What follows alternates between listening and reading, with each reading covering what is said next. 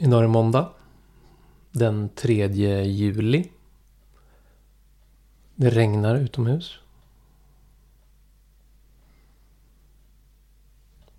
Hur är läget Lena? Ja, men det är bra. Det är bra. Uh, det är härligt med regn. Det har varit torka. Regnade lite häromdagen för första gången på jättelänge. Och nu kommer det lite till. Och jag, jag känner att jag få lite hjälp av det här eh, mörka, blöta. Att uh, varva ner lite liksom. Och um, vi ska ju prata idag om um, relationen till, vår relation till naturen. Typ något sånt, eller hur? Och, um, och det är som att jag, eh, jag gick på semester för några dagar sedan. Och nu är det som att jag börjar liksom hitta ett viloläge. Jag vaknade. Jag hade liksom inga krav på mig. Det var, och jag bara, åh, det är så skönt att göra ingenting. Och kunde känna liksom lite grann en mörk sinnesstämning. Som jag kanske, först kanske hade en ansats att göra ett motstånd mot. Men sen var det som att nej, men nu, går jag, nu är jag i det här lite mörka, dova. Och så kunde jag känna att det fanns en vila i det. Någonting skönt. Och det är som att jag liksom behöver det efter. Eh, om man tänker, det är väl lite så här.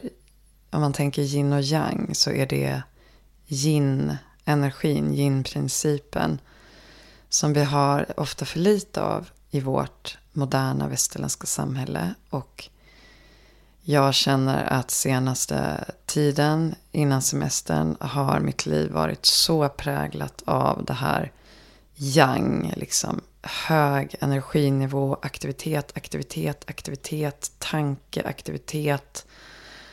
Och jag har varit helt slut liksom. Men det finns ju också någonting eh, bekräftande och man kan gå igång på det och det är kul, det händer grejer, det kan vara berusande liksom. Så att när man ska släppa taget om det så eh, tror jag att det ofta kan komma ett litet mörker. Eller jag vet inte, kanske lite så här slaggprodukter som kommer upp på något sätt. Mm. Och att då våga tillåta det. Uh, och att på något sätt det här lite mörka dova är en viktig del av livet. Och, och, och, då, och det, det liksom för mig är, finns den tematiken där då med eh, naturens lagar. Liksom. Att, att jag som människa är gjord av eh, naturliga mekanismer. Jag är uppbyggd av det och jag måste på något sätt lyda dem, följa dem, underordna mig dem för att uh, må bra mm. och fungera bra. Mm. Uh, men det är lätt att man uh, driftar iväg från det också. Det finns liksom... Och, och, och, och så är, lever vi i ett samhälle som, som på något sätt uppmuntrar att man alienerar sig från de där grundläggande förutsättningarna. Mm. Så det är jag väldigt pepp på att prata om. Ja, jag kom på bara, vi ska eh, stänga av mobilen nu. Så, det har jag gjort. Ja, jag måste bara kolla min mobil så att jag stängt mm. av den. Eller på stör dig. Mm. Men uh, du då och naturen. Nu, nu pratar jag mycket om att vi faktiskt har en, vi är natur själva.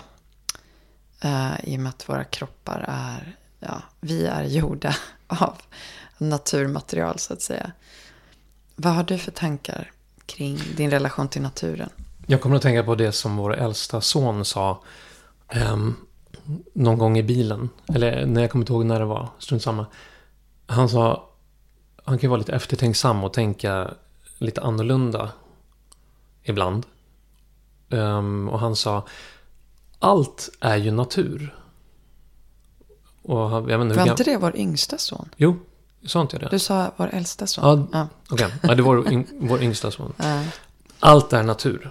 Alltså det här med allt som vi producerar. kommer från början från naturen. Även plast. Jag tror vi pratade om typ Ja. sånt. Ja. Precis. Han sa också när han var typ fyra år att hans navel är vänstergängad. På tal om att han har speciella tankar ibland. Ja, Mm. väldigt intressant. Det är en mer speciell tanke än att allt är natur. Ja.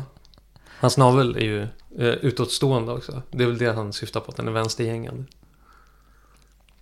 Vet Ja. han ens vad vänstergängad är? Ingen aning. Jag tror inte det. Jag tror inte heller det. Det är bara ett ord som han provade. Mm, jo, men för mig med natur så... Mm, det är extremt viktigt för mig med natur. Igår så var det kupp. Och jag känner Fotbollscup. Ja, fotbollscup här nere i Garphyttan och vi, eh, vi var där hela dagen. Och så gick jag iväg bara in i skogen en, en snabbis för att uträtta behov. Och så fort jag kom in i skogen så var det som att ah, det är här jag hör hemma. Det här är min plats. I dimman under granar. Och den här stillheten och ron, men ändå livfullheten. Alltså det, det, det är något paradoxalt i att det finns så mycket liv i det som är så till synes stilla. Medan att det kan vara så dött i det som är så till synes livfullt i en galleria till exempel. Hmm. Fint. Och att jag kan Mm. landa i... Eh, jag älskar att ligga och lyssna på regnet som eh, strömmar ner en sommardag, sommarregn. Eller när vinden blåser i träden. Um, och få vara nära naturen. Och jag blir nästan lite berörd när jag, när jag tänker på det och känner på det. Att få gå barfota på gräsmattan eller känna en skogsstig under fotsulorna. Men du, det är, jag tycker det är en väldigt fin betraktelse. Spännande och klok betraktelse det här med att det, ja, det är som att det, det som verkar vara stilla är egentligen det som är mest livfullt. Uh, men att ändå så, det, det är som att vi skapar i samhället någon slags lite artificiellt liv. Eller just att, ja, Jättespännande, liksom. eller det här action. Liksom. Det ska hända grejer. En slags... Um, det här positivitet. Det ska liksom hända, hända, göra uh, input, stimuli. Och det tänker jag, det här att vi går igång på det och, och får kickar och mår bra av det, åtminstone på kort sikt. Liksom. Eller många gör det. Mm. Det finns något, något, en dragningskraft i det. Det är väl just för att det... Eh, det är klart att det är liv också. Det är inte, det, det är inte, bara, det är inte dött liksom. Men, men det är ju inte lika rikt liv. Liksom djupgående, holistisk typ av liv så att säga. Utan det, det är någon typ av efterapning, härmning av någonting som, som är viktigt i naturen och som vi behöver. Men, men man, liksom, man försöker liksom maximera och eh, intensifiera det på något sätt. Och också skära bort, just det, och ta bort de bitarna som, som inte är lika härliga på kort sikt. Alltså om man tänker, Som vadå? ja men om man tänker en galleria där man shoppar, då får man liksom de härliga positiva kickarna. Eh, Men det som inte syns i gallerian är förutsättningarna för att de här sakerna eh, ska kunna finnas där. Som är liksom då den mörka skuggsidan, arbetet, Mm. slitet. Mm. eh, som, som så att säga är helt dolt. Då Lidandet. lidandet. Men även eh, om man tar det här med mm, internet, spel, skärm som man nu ofta tar som en, kan ta som en metafor för det här att det händer grejer och vi får kickar även där, det är ju också uppbyggt kring att man inte ska ha den här baksidan av att det finns ett arbete, det finns, allting är inte bara härligt och kickar hela tiden. Liksom. Den, man skär bort liksom en del av livet, livets förutsättning. Och, och så är liksom hela samhället uppbyggt på det sättet. Mm. Jag tänkte på, just det, man tar gallerian som, som en bild där, där det händer massa saker. Och massa stimuli och det är ofta väldigt ljust. Och det, du det... älskar gallerier, erkänn. Inte. Alltså, jag, tycker, jag tycker det är skönt att kunna åka till en galleria. För att jag tycker det är jobbigt att åka in till stan. Och det är väl det som är Ja, så smart. det. Det. Det, är väl det som de har tänkt på. Att det är så smart att man ska kunna åka ut. För att det, det finns nog säkert många som är som jag. Att man, man tycker det är skönt att bara kunna åka dit, handla och åka hem igen. Istället för att hålla på in i stan. Men stan är ju mycket ändå, den är ju mer naturlig, mer organisk på något Ja, sätt. Kan, kan det. inte, för det är ju, jag föredrar att åka in till stan. Ja. Det, det jag tänkte på var, i vilket fall som helst om man tar det här med, med gallerian som det här ljusa, upplysta, det är liksom konsumtion, det händer mycket, det är mycket begär. Så fick jag upp bilden av när jag vakade med min mamma när hon låg inför döden. Och hur, hur bort, vad som man, hur säger man, eh, undanskymt döden är. Alltså det, en av livets mest naturliga delar. Döden är någonting som händer på en annan plats på sjukhuset. Och, och jag minns att jag, jag var inne i, hos henne. Och, och ehm, hur livet pågick där utanför. Folk hade varit och brutit benet och var på väg hem. Ehm, och inne i vårt rum, där väntade döden. Det fanns ingen återvändo. Mm. Och att, att vara i, i det rummet där det är så här, nu är det slut. Det är en sån kontrast mot det här.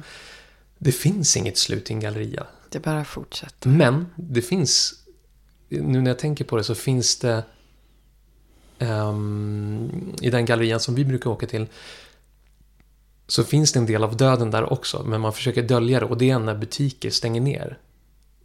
Där finns det en, en aspekt av det här med, för då, då, man låter ju aldrig en, en eh, butikslokal stå mm, tom. Utan man lägger ju alltid för ett skynke där det står så här kan du köpa och eh, leva ditt liv fullt ut eller någonting sånt där. Det, det händer ju någonting på den här duken som man lägger framför den tomma butikslokalen. För att vi, vi ska egentligen inte se det här tomma. Nej. Det motsäger på något vis eh, konsumtionens syfte.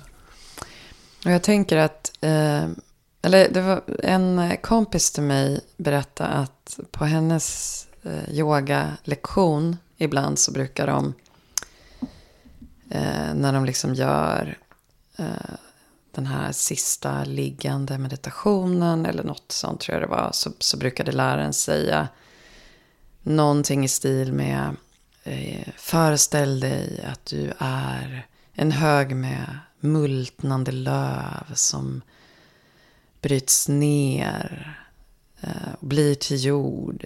Jag vet inte om han pratade om maskar och grejer och sånt också. Men, och hon tyckte det var så underbart liksom. Eh, avslappnande, om jag kommer ihåg rätt. Och det är ju, ja men det är ju, och jag tänker också det här när jag i morses eh, chillade ner, släppte taget, ble, liksom verkligen hörde upp med det här aktivitet, aktivitet, stress. Att det fanns ett mörker i det. Att det, jag tänker liksom att det är någon typ av död. För jag menar, vi som håller på med zen-meditation, där, där pratar, det är ju det väldigt aktuellt just att liksom man, det är ju hela tiden så att i varje ögonblick varje ögonblick dör ju någonting och så ersätts med något nytt. Och att på något sätt kunna vara med i det flödet och inte göra motstånd mot det är väldigt mycket lösningen. Eh, och att låta sitt eget jag dö så att säga. För att egentligen är det bara en konstruktion som vi bygger upp. Så alltså det, det där är väl en väldigt viktig grund. Du och jag, vi gillar ju det här att prata om så här principer som mm. skär på tvärs genom saker och ting och kopplar ihop världen. Liksom att, att det på något sätt är liknande principer som gäller på olika nivåer av verkligheten. Det, det känns som att du och jag tänker väldigt mycket så båda två. Och just att det här med, med att döden är en del av livet är ju en sån viktig princip där. Alltså, och så fort man jobbar med trädgård till exempel så ser man ju det så tydligt. Hur eh, de här bladen som är döda kan man lägga på jorden för att gödsla jorden så att det ger liv till de här nya plantorna. Det är ju liksom, det blir så väldigt tydligt där. Vad, vad har odlandet för betydelse för dig? Odlandet är viktigt för mig. Jag vet inte, alltså det är bara, alltså jag, jag känner ju hela, jag, jag jobbar ju med eh, någonting väldigt intellektuellt, jag är forskare. Eh, och jag, just nu jobbar jag också ganska mycket med alltså så här, administration, byråkrati, organisation, ledning, den typen av saker som är, kan jag känna ännu mer än att sitta och tänka och skriva. Ta mig liksom lite bort från det här kroppen, jorden, naturen, den ba materiella basen vi, vi har så att säga. Så, så inte minst på grund av att jag jobbar med den här typen av eh, jobb så är det som att all min fritid nästan vill jag använda åt eh, att antingen connecta med min egen kropp, eh, yoga, meditation, träna eller vara ute i skogen eller jobba trädgård, alltså den typen av saker. Eh, och jag bara älskar att ha händerna i jorden. Uh, det är underbart. Och att ja, hästgödsel, ta det med händerna och lägga på jorden och gräva och fixa. Och... Sen så har jag ju upplevt lite stress kring odling också. Alltså just att det är också ett arbete som det finns krav och det man måste och sånt. Så, men det, det har jag blivit bättre på men. Hur, hur, hur har den processen sett ut då? Att, att bli mindre stressad av odlingen? Ja, alltså en, en del har varit att, att helt enkelt få lite bättre koll. Bli lite, det är väl någon slags mer att vara mer in touch med uh, hur saker funkar och vad är det som måste göras och hur, hur funkar saker, hur hur ger jag goda förutsättningar. Så det har nog varit viktigt. Och sen i kombination med att um, hitta en lagom nivå. Och att eh, försöka släppa en perfektionism. Liksom. Och, men det kan vara svårt. Alltså så här att det är okej okay om det finns ogräs. Och det är okej okay om eh, man inte skördar allt. Det är okej okay om eh, det blir, liksom kommer kolfjärilar och äter upp all vår grönkål. Det har jag processat nu senaste dagarna. Efter att vi märkte att vårt koltält var lite, lite glipor och sånt. Så tänkte jag, ja det kanske blir så att hela skörden pajar. Och det, där hjälper det ju att tänka på den vilda naturen. Uh, för där är det ju hela tiden så att man vet inte riktigt hur det blir. Uh, det är absolut inte så att alla blåbär som finns i skogen skördas och äts upp. Och Eh, saker växer ibland eller så växer de inte. Och det är liksom, ja, det är ändå som det ska. Det är ändå perfekt liksom.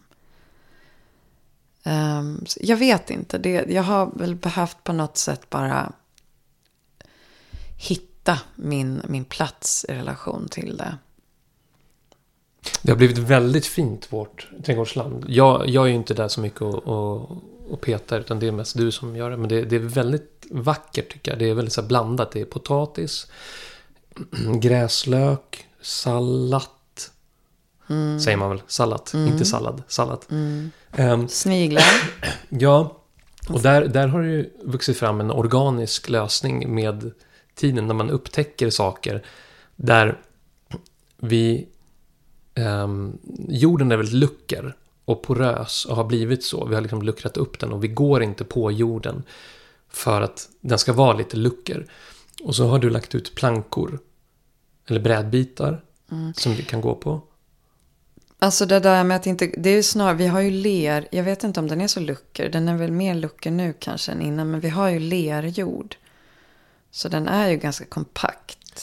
Ja, fast när jag känner på den så, så sjunker den ihop. Om man trycker på den så sjunker Ja. den ihop. Så det, den, är, Ja. den är liksom mer Så det viktiga luftig. där är just att i lerjord är det tydligen så att då, då även om det är kompakt så, så, så har mikroorganismerna gjort sina nätverk liksom. Och det är viktigt att man då inte pajar Ja, det. men Mm. precis. Och då har du lagt ut små brädbitar som man kan gå på. Mm. Ehm, och så upptäckte vi att vid sallaten så vi, då blev det som en liten mördarsnigelfälla. Därför att när det var så torrt nu, då kröp de in under brädbitarna. Och så kunde vi bara lyfta på brädbitarna och så plockade vi bort dem. Och sen så gick vi och slängde dem på andra sidan vägen. Och vi har en grusväg som går förbi här.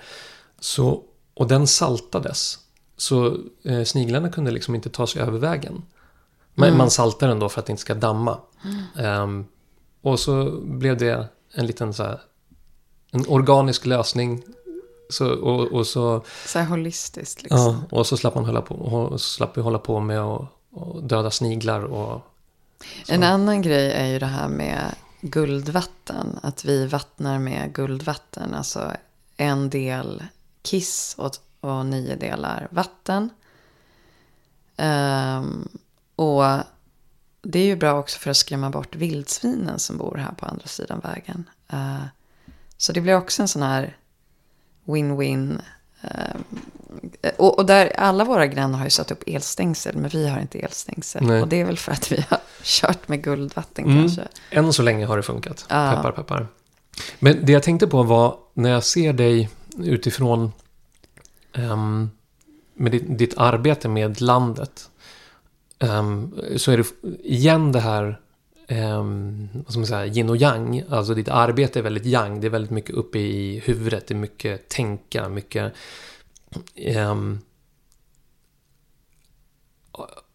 ja, mycket uppe i huvudet, i hjärnan. Och så är det som att det blir... a- att gå ner med händerna i den mörka jorden är motsatsen till det. Att känna den här fukten, kylan, mörkret. Men som ändå är fullt av liv. Medan tänkandet faktiskt kanske är ehm, det här torra, intellektuella tänkandet har liksom någon, någon slags... eh, alltså död är väl att kanske ta i. Men någonting åt det hållet i alla fall. De här torra begreppen. Ja. Jag tänk, det är ju intressant när jag, jag gick ju i akupunktur ett tag. Och då fick man lite så här ka, kartor liksom för att tänka kring det här. Där pratar man ju också om olika, att folk, olika individer har olika konstitutioner. Och han pratar ju om att det här, att jag har ganska mycket eld, liksom upp. Eld liksom brinner uppåt. Och liksom en slags torr, varm, het energi. Och att mitt yrke förstärker det. Och att jag skulle behöva liksom komma ner mer i uh, fötterna. Liksom ner. Alltså, alltså, uh, på något sätt så bekräftade han ju bara det som jag själv upplever. Men just det här också att olika individer har olika behov där. Det, det tyckte jag ändå var ganska viktigt. Och där har jag nu upplevt väldigt mycket att jag är extremt väl lämpad för mitt yrke. Alltså jag är bra på det, jag har lätt för det. Och därför är det väl så att jag ska vara där eh, på något sätt. Samtidigt så är att, att göra det väldigt mycket är inte bra för min hälsa. Det kanske är bra för världen på något sätt, att, och mitt ego. Eh, eller liksom att det är kul att lyckas med något och vara bra på något. Men eh, det har jag liksom blivit, att det, det är någonting i hur jag är konstituerad som gör att jag mår inte bra av att göra det där för mycket. Så jag måste så extrem balansera upp med motsatsen. Um, men det var ju länge, ett tag som jag verkligen funderade på att sadla om. Typ jag, jag borde bli massör tänkte jag. Jag ska så här, liksom vara så här nära kroppar. liksom. Där, ja, det var någon slags, alltså jag tänkte allvarligt att jag skulle typ utbilda mig till massör för tio år sedan ungefär. Jag kommer att tänka på det nu och nu känns ju det ganska... Jag tror jag skulle bli rätt uttråkad. Faktiskt. Men... Um... Mm. När hade du... Um, eller har du något minne från när det var... När du fick den här känslan av natur. När det gav dig Ehm, den här vilan eller återhämtningen. Har du någon minnesbild när du upptäckte hur, hur viktigt naturen är för dig? Ja, jag började promenera i skogen när jag var tonåring. Alltså det blev en sån här grej att dra mig undan och vara för mig själv. Men också att det var härligt att vara i skogen. Um, det minns jag. Mm, men det här att vara i kontakt med, ja och just med att vara i kontakt med min egen natur. Det var någon gång när jag pluggade i Lund. Och kände att jag var väldigt liksom mm, förvirrad och ogrundad. Och jag visste varken ut eller in. Jag, och då bestämde jag att nu ska jag säga nej till allt. Och jag kände också kanske någon slags trötthet, utmattning. Jag kommer inte riktigt ihåg. Stress. Och då bestämde jag liksom att nu ska jag vända mig lite mer inåt. Jag ska säga nej till allt som jag inte är 100% säker på känns 100% bra. Och så ska jag liksom eh, spa, alltså vända mig inåt, spara någon slags energi, spara någon slags, herbergera någonting inom mig själv och se vad som händer. Ehm, så, och, och reducerade mitt liv. Jag, gjorde, jag skrev uppsats. Jag gjorde yoga. Liksom lite sådana saker. Och, och, och just att det är att eh, det var ju att välja lite att livet blev lite tråkigare. Inom citationstecken tråkigare. För jag valde bort väldigt mycket som, som jag hade sagt ja till innan. Det kunde vara relationer. Kunde vara aktiviteter. Men där jag liksom kände att jag måste säga nej. Om jag för jag kände att saker kunde bli destruktiva för mig. Och då var det som att, okej, okay, jag säger nej till allt. Förutom det som jag känns 100 procent. Um, så det, det var en viktig, det började någon process. Och sen så revs det där upp igen genom någon, en svår relation som jag drogs in i. Och sen liksom efter det så ja, började jag meditera. För att på något sätt, det, det, var som att jag förstod att jag måste vända mig inåt och hitta min grund, min, vem är jag, vad, vad är min liksom bas i det här. Men det, det var alltså, mycket, det, det, var någonting med det här att... Om man tänker det här med, jag var inte utbränd, jag har aldrig varit utbränd, men jag har varit liksom lite åt det hållet. Att jag har sjukskrivit mig för att jag känt mig helt så här sönderstressad och, och dränerad. Och jag tänker mycket på det här med, med det här med folk som går in i väggen, blir utbrända. Som någonting med att inte vara i kontakt med sina liksom, naturliga villkor, begränsningar, förutsättningar. Och det är ju verkligen en sjuka vi har, en, en liksom pandemi vi har i vårt samhälle. Um, men jag vill inte att det här bara ska handla om mig heller. Men hur är det med...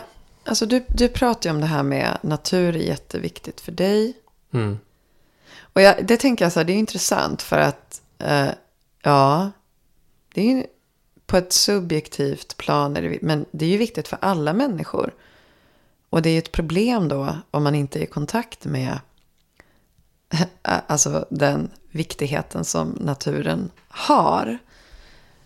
Um, samtidigt så verkar det som att folk också är lite olika beskaffade. Att jag, jag, jag, hade en kompis en gång. Hon var så här. Jag tycker inte om naturen. Eller jag är helt ointresserad av naturen. Jag tycker om att vara i stan liksom. Mm. Uh, och liksom gjorde lite motstånd mot den här naturromanticismen och sådär. Uh, och då är frågan, liksom, är, det, är, det, är den hållningen problematisk? Det kan man ju tycka kanske att den är med tanke på eh, alltså att vi har ju ändå, ett, om vi ska kunna lösa klimatkrisen så finns det väl ett viktigt existentiellt behov av att människor värderar naturen på ett subjektivt plan också. Inte bara som någon slags ja, just intellektuell grej. Ja, just det, naturen är viktig. Utan att man faktiskt upplever värdet och ha någon slags personlig relation till den. Men, men, det, men det, hur, hur, när jag pratar om det här med kroppen och liksom naturen i en själv. Vad, vad, vad, vad har du för liksom... Det måste ju inte bara vara kroppen som är naturen i en själv. I och för sig heller. Nej, um, jag tänker alltså drömmar är väl en form av natur i mig själv. Tänker jag. Det, det är ju någonting som sker som jag inte har kontroll över. Uh, om det inte är såna här klardrömmar. Men det, jag är ganska ointresserad av det. Det fyller liksom ingen funktion för mig. Jag tycker det är mycket mer intressant att, att uh, vara i de här drömmarna som kroppen och det, det undermedvetna um, ger mig. Det är väl en form av natur. Jag drömde igår så drömde jag att jag plockade tomater på, eh, från våra vresrosor. Och det, det är en bild som känns väldigt... Det kändes bra att kunna plocka tomater för jag, då slipper vi köpa. Det var en skön känsla. Och sen så har jag också drömt om... Eh, jag drömmer ofta om natur. Eh, jag har drömt om vår parkslide som vi har. Vilket jag, jag tänker är en, en fin bild av... Eh, Berätta vad parkslide. Parkslide är en invasiv art. Eh, som människor planterade på kanske 50, 60, 70-talet. Eller senare också till och med. Som växer eh, väldigt häftigt. Och den sprider sig jättelätt. Det räcker med, om jag läste rätt, om jag minns rätt, från det jag läste så räcker det med 0,7 gram av en bit rot för att den ska kunna eh, slå rot någon annanstans och börja alltså bli en ny planta. Och den kan typ så här förstöra betongfundament ja, och sånt också. Och, och, och, förra sommaren så höll vi på, eller jag höll på ganska mycket och plockade eh, skott av parkslide. Jag tyckte jag såg parkslide överallt. Jag blev helt besatt och det minsta lilla blad var liksom parkslide. Um, och, och, och, och, så, och så tänkte jag att jag, eller jag kände att det här är en ganska bra bild av människans undermedvetna. Att vi, människor försöker bekämpa det här som växer. Men det växer på sitt eget sätt och vi kan inte kontrollera den. Det, om man börjar gräva bort den, då är det som att den, den, den blir ännu mer aggressiv i sitt växande. Mm. Och, och, om man häller gift på den så börjar den växa ännu mer. Mm. Eh, det går inte att skära bort den för att man ska kunna döda den.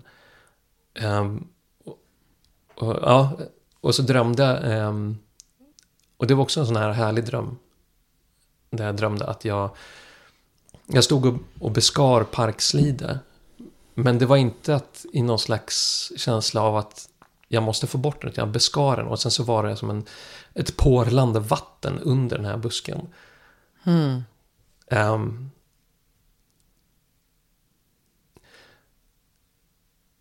Och jag tänker att, att vi, vi möter, alltså i vår relation till naturen så möter vi oss själva. Men det här med drömmar. Um,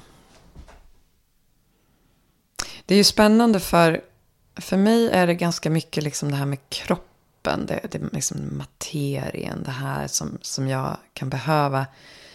Men drömmarna där, det är ju ett språk, det är symboler, det är och det är också en del av människans natur. Mm. Jag menar, som, som vår son sa, allt är ju natur. Mm. Uh, men sen, och där vill jag bara liksom kvalificera då lite det här med, uh, innan jag, ett litet stickspår. Att ja, allt är natur och gallerian är ju också natur på så sätt. Men, men samtidigt så tänker jag det som är ett problem är när människan skapar, konstruerar saker som också då undergräver natur och, och, och liksom, kanske undergräver sina egna förutsättningar för att också existera. Liksom att man skapar en massa sådana konflikter och att man eh, förfrämligar sig från basen för det man har konstruerat och kanske undergräver och förstör det. Och ja, det, det här som Marx pratar om, bland annat, att ja, alienationen från eh, det som faktiskt skapar den här varan till exempel. Eh, att vi tänker att varan har någon egen existens bortom alla råvaror och det arbete som... som ja, men, men, men så... Men där, där, där tänker jag... Eller förlåt. Ja, nej men alltså det...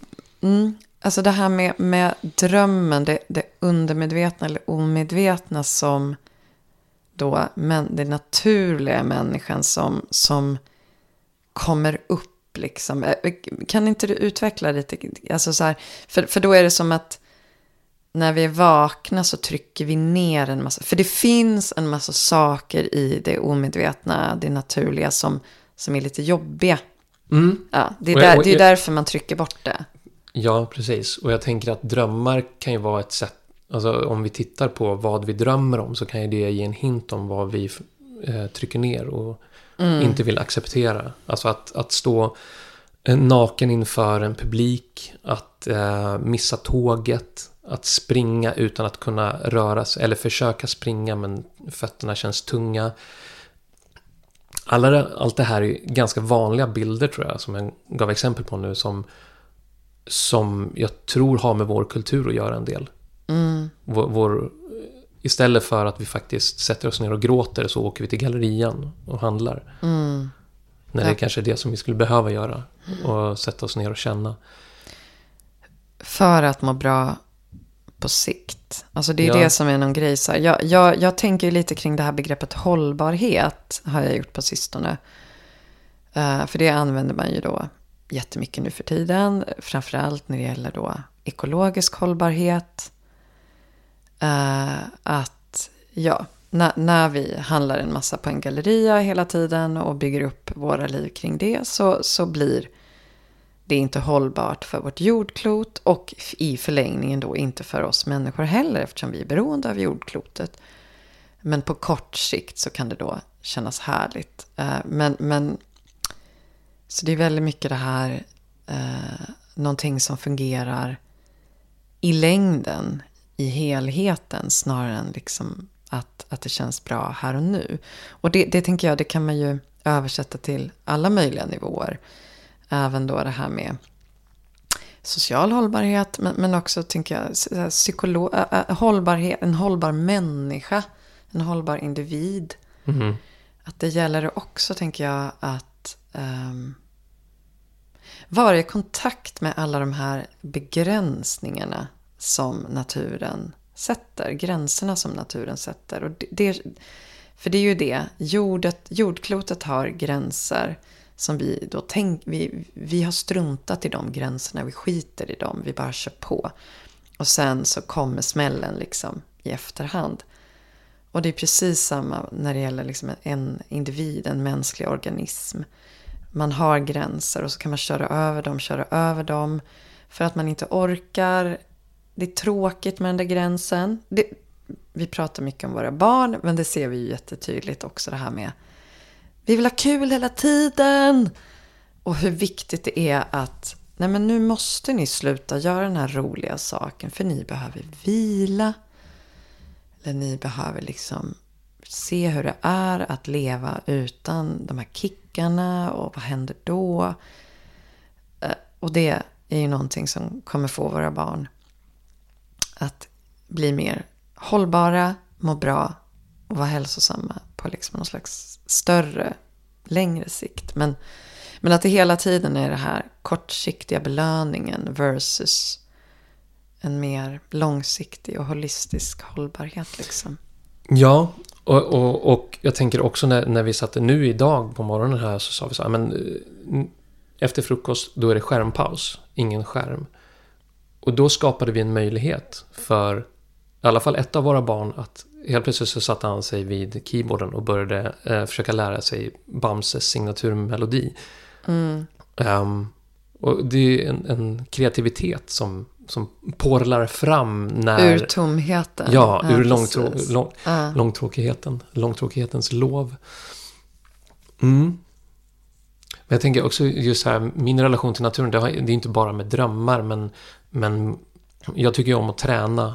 Eh, men utan klockor och utan, utan att mäta. Utan, eh, alltså jag älskar ju att springa, springa på skogsstigar i skogen.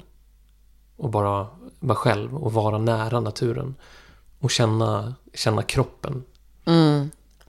Men, um, men att liksom vara i kontakt med kroppen. Och, och, och, mm. och, att du, när du tar i så är det för att det känns bra. Liksom. Ja, det, mm. där finns en...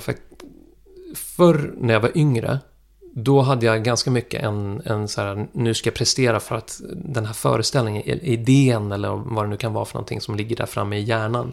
Mm. Att vilja vara bra eller någonting.